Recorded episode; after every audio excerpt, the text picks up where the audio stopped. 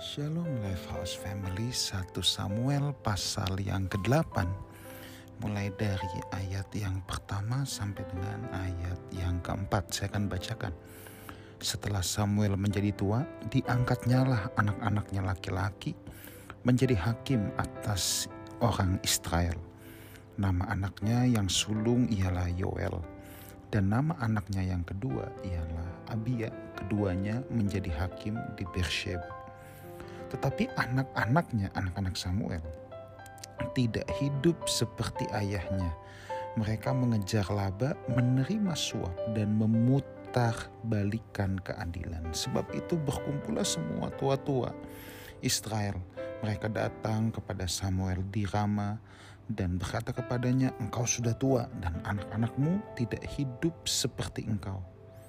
Maka angkatlah sekarang seorang raja atas kami untuk memerintah kami seperti pada bangsa-bangsa lain. Saudara, yang saya mau soroti adalah begini. Samuel adalah saksi mata bagaimana anak-anak Imam Eli melakukan kejahatan. Melakukan hal-hal yang seharusnya tidak dilakukan oleh seorang imam. Imam Eli dalam hal ini telah gagal dalam mendidik anak-anaknya.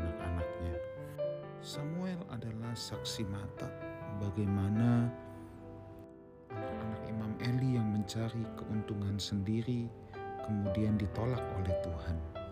Sekarang ketika Samuel punya anak rupanya saudara, Samuel juga melakukan kegagalan yang sama seperti mentornya melakukan, yaitu Imam Eli. Kita lihat di sini bahwa Samuel juga punya anak, tetapi anak-anaknya tidak hidup seperti ayahnya.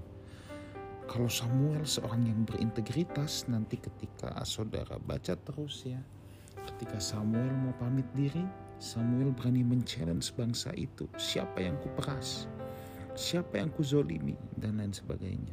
Tapi anak-anaknya di sini dikatakan tidak hidup seperti ayahnya. Mereka mengejar laba, menerima suap, dan memutarbalikan keadilan. Ini hal-hal yang sangat-sangat jauh dan tidak dilakukan oleh Samuel. Ketiga hal ini mengejar laba, menerima suap, memutarbalikan keadilan. Itu sangat jauh dari hidup Samuel. Tapi pertanyaannya, kok anak-anaknya bisa berbuat yang demikian? Memang manusia harus uh, bertanggung jawab atas dirinya sendiri. Tetapi dalam hal ini saudaraku, di sini kita lihat parenting ya pendidikan anak itu sangat-sangat penting. Saya percaya Samuel pasti harusnya dia menjadi teladan juga untuk anak-anaknya. Sebab pasti anak-anaknya melihat bagaimana hidup Samuel ayahnya eh, berintegritas, lurus, lempeng. Nah, tetapi sekarang pertanyaannya, Ketika anak-anaknya melihat papanya berintegritas, beda kalau Samuel juga loba. Kalau Samuel juga mencari untung, memutarbalikan keadilan. Oh ya, di situ akan segera berlaku bahwa anak adalah mesin fotokopi terbaik dari orang tuanya. Jadi kalau orang tuanya menipu, anaknya ikut menipu, itu nggak aneh. Tapi sekarang orang tuanya berintegritas, anaknya tidak. Nah, maka kemungkinannya adalah Samuel memang sibuk banget saat itu. Ia menjadi hakim atas Israel, ya. Ia menjadi pemimpin atas umat Israel. Dia lupa mendidik anaknya. Dia mengajar orang Israel, dia lupa mengajar anaknya. Nah, ini yang saya mau ingatkan. Building your families.